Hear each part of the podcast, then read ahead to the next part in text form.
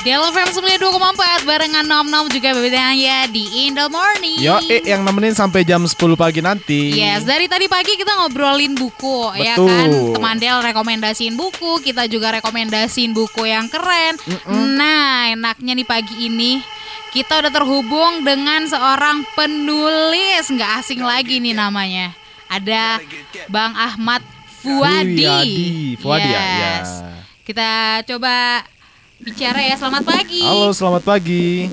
Selamat pagi, apa kabar? Kita baik. Kita kabar baik, Bang. Abang Bang. gimana kabarnya di sana, Bang? Alhamdulillah sehat-sehat ini. Mudah-mudahan semuanya sehat semua ya. Amin. Amin. Gimana udah sarapan apa tadi Bang Fuadi? Oh, sudah dong sarapannya. Sampai nambah lagi sarapan. Waduh, Waduh. enak Ada sekali bubur, nambah. ada apa. ya. Iya. Oh, udah ngopi, Bang, ngopi. Nah, ngopi belum? Habis Waduh. ngopi kita. Sekalian ngopi lah, Bang, biar enak kita ceritanya karena dengan kita Iya. ngopi menambah filosofi ataupun cerita-cerita yang akan kopi dong. Iya, filosofi kopi. Iya. Soalnya kalau Kalau nulis, ngopi, kita Hah? bercakap-cakapnya bisa satu jam nanti. Waduh, nggak apa-apa, Bang. karena kopi dan penulis itu kayak satu kesatuan nggak bisa dipisahin ya kan? Iya, fix, fix. Apalagi kalau contohnya udah ngebaca sambil minum kopi, ditemenin goreng pisang, kue lupis. Nah, Wah, itu Cendil. mukbang, itu Iya. mukbang, itu mukbang. lupa diri. Oh iya, jadi lupa diri ya.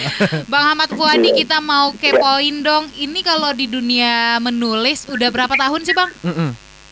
Saya sudah 12 tahun menulis uh, Wow. full time ya. Uh-uh. Kalau sebelumnya saya menulisnya uh, bukan sebagai penulis uh, novel, tapi sebelumnya menulis sebagai tugas wartawan. Oh. Wah. Kalau menulis fiksi ini mungkin sudah ya 12 tahun ya 12 tahun. 12 tahun berkarya di bidang menulis. Nah, eh, mulai menyadari ada bakat nulis itu sejak kapan kira-kira?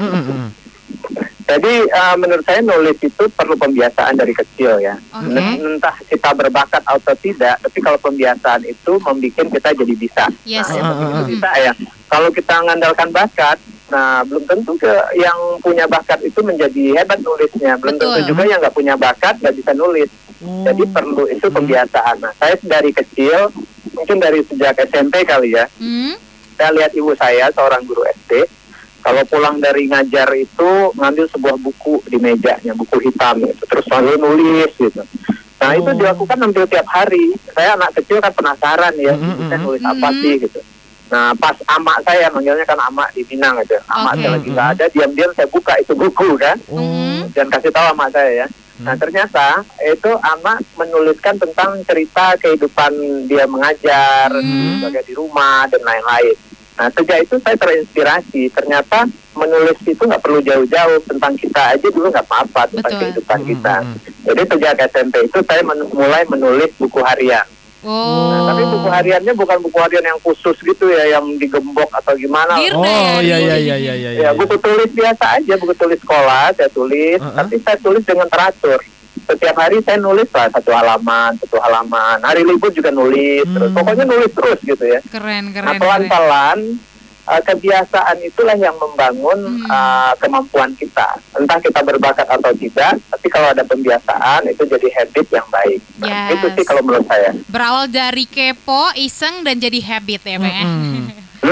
Apa sih alasan Bang Ahmad Fuadi nih sehingga memutuskan untuk jadi seorang penulis nih Bang? Hingga jadi profesi. Eh, profesi profesi sampai sekarang.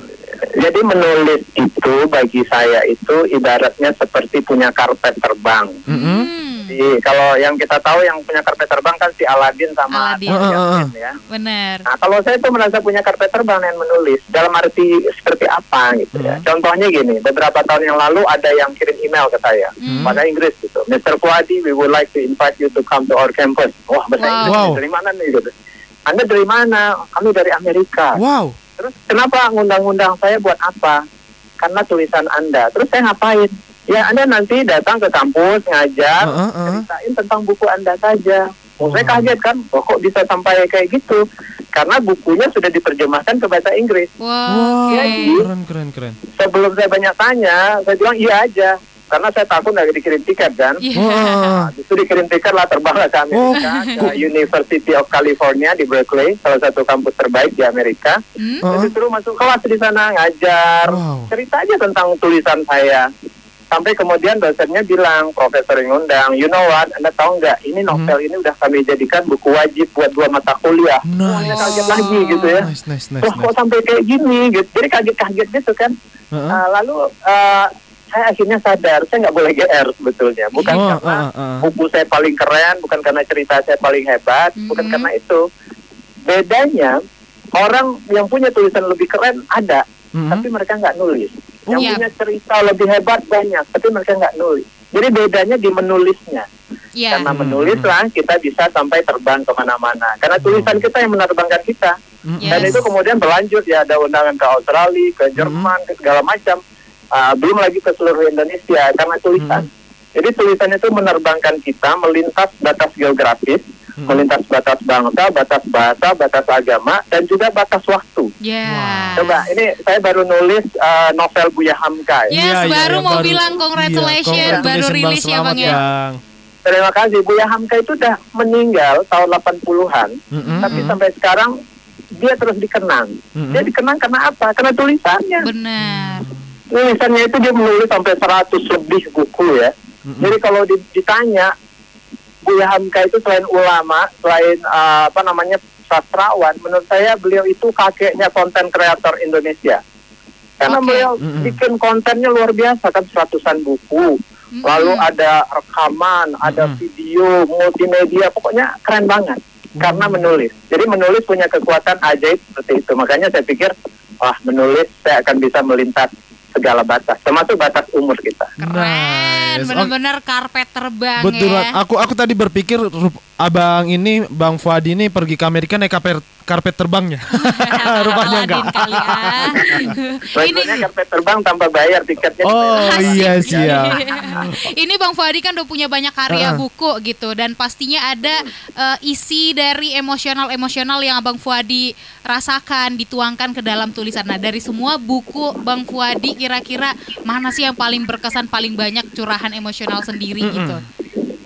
Eh, yang paling berkesan hampir selalu yang pertama ya. Jadi novel Iya, pertama iya, saya iya. 2009 itu Negeri Lima Menara. Mhm. Itu novel tapi diinspirasi pengalaman saya Mhm. sebagai anak kecil dulu di pinggir Danau Maninjau lalu harus merantau umur 15 tahun. Merantaunya bukan karena mau, tapi karena disuruh ibu, Mhm. disuruh amak tadi. Dan saya nggak berani melawan sama amak kan, karena Mhm. kalau di Minang itu melawan sama amak jadi batu. gitu. Wow, iya iya betul betul Kan betul maling- betul. maling kundang kan? Maling Ah, maling kundang ya. takut jadi maling kundang. Ya udahlah, saya waktu itu merantau itu dari dari Padang itu naik bus ANS tiga hari tiga malam itu Uh-uh. untuk sampai ke pesantren di Gontor.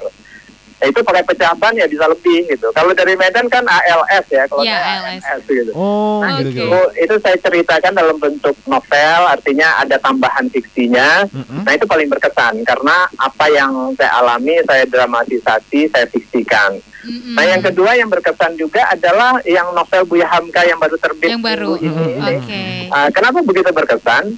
Karena sejak kecil itu saya hidup dalam ah, apa ya dalam budaya dalam semestanya budaya Buya Hamka dalam universe yang Buya Hamka. Mhm. Di rumah orang ngomong Hamka, di kedai kopi orang ngomong, ngomong Hamka, lalu Hmm. di surau orang ngomong Hamka, di mana-mana Hamka.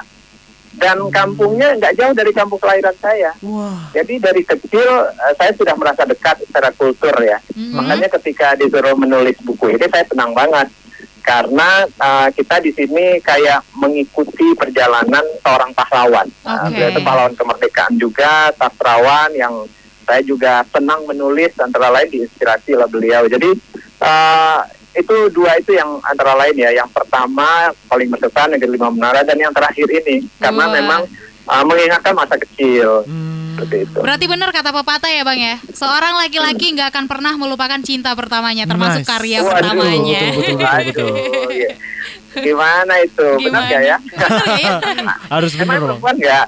Perempuan cinta terakhirnya katanya Wow, Bang. cinta terakhir. gitu. Iya, makanya beda. Penting Tapi sekali ya. buku itu kan jendela dunia nih Bang. Membaca itu memang membuka wawasan bahkan berasa jalan-jalan walaupun kita tidak pernah menginjakan kaki di sana. Apa sih pesan Bang Buya Hamka untuk anak muda yang lagi dengerin sekarang untuk Ba- baca buku? Bang Fuadi bukan Buya Hamka. Eh, Buya aku ingat bukunya lagi.